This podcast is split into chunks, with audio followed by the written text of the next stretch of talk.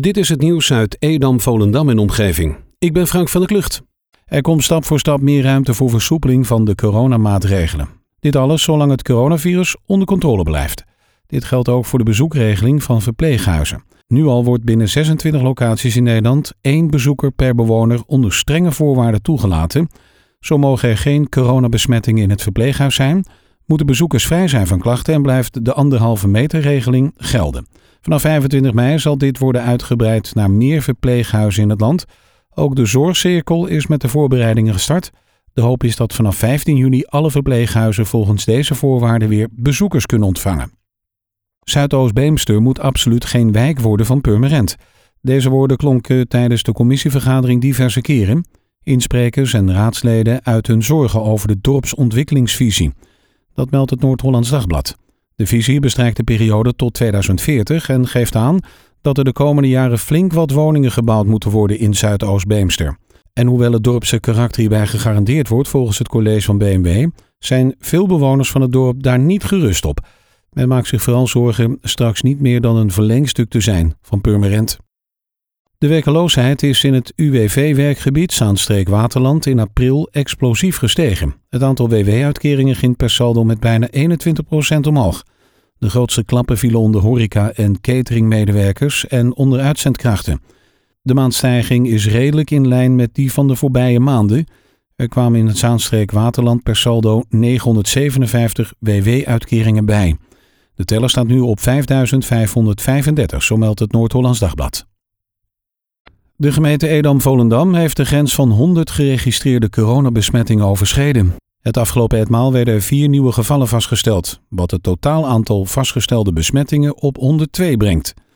Met in totaal zes nieuwe vastgestelde besmettingen komt het totaal aantal coronapatiënten voor de regio Zaanstreek Waterland uit op een totaal van 835.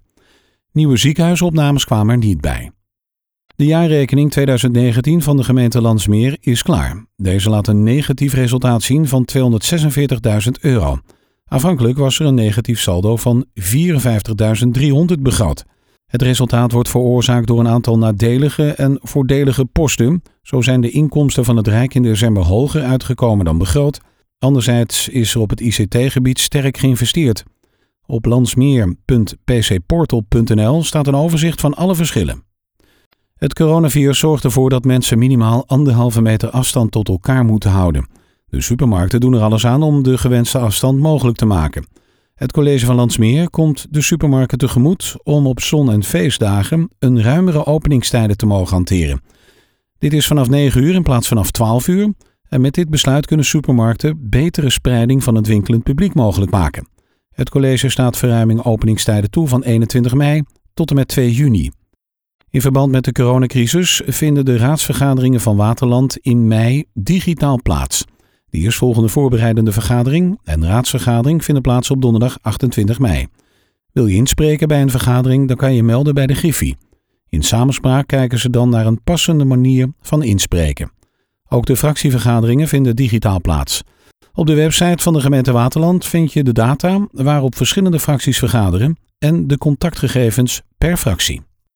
De voorbereiding en de planning kan gemaakt worden voor het aanleggen van de derde ontsluitingsweg in Edam-Volendam.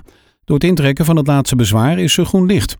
De gemeente Edam-Volendam wil langere tijd tussen de kruising N244 en de N247 en de dijkgraaf Porslaan de zogenoemde derde ontsluiting aanleggen.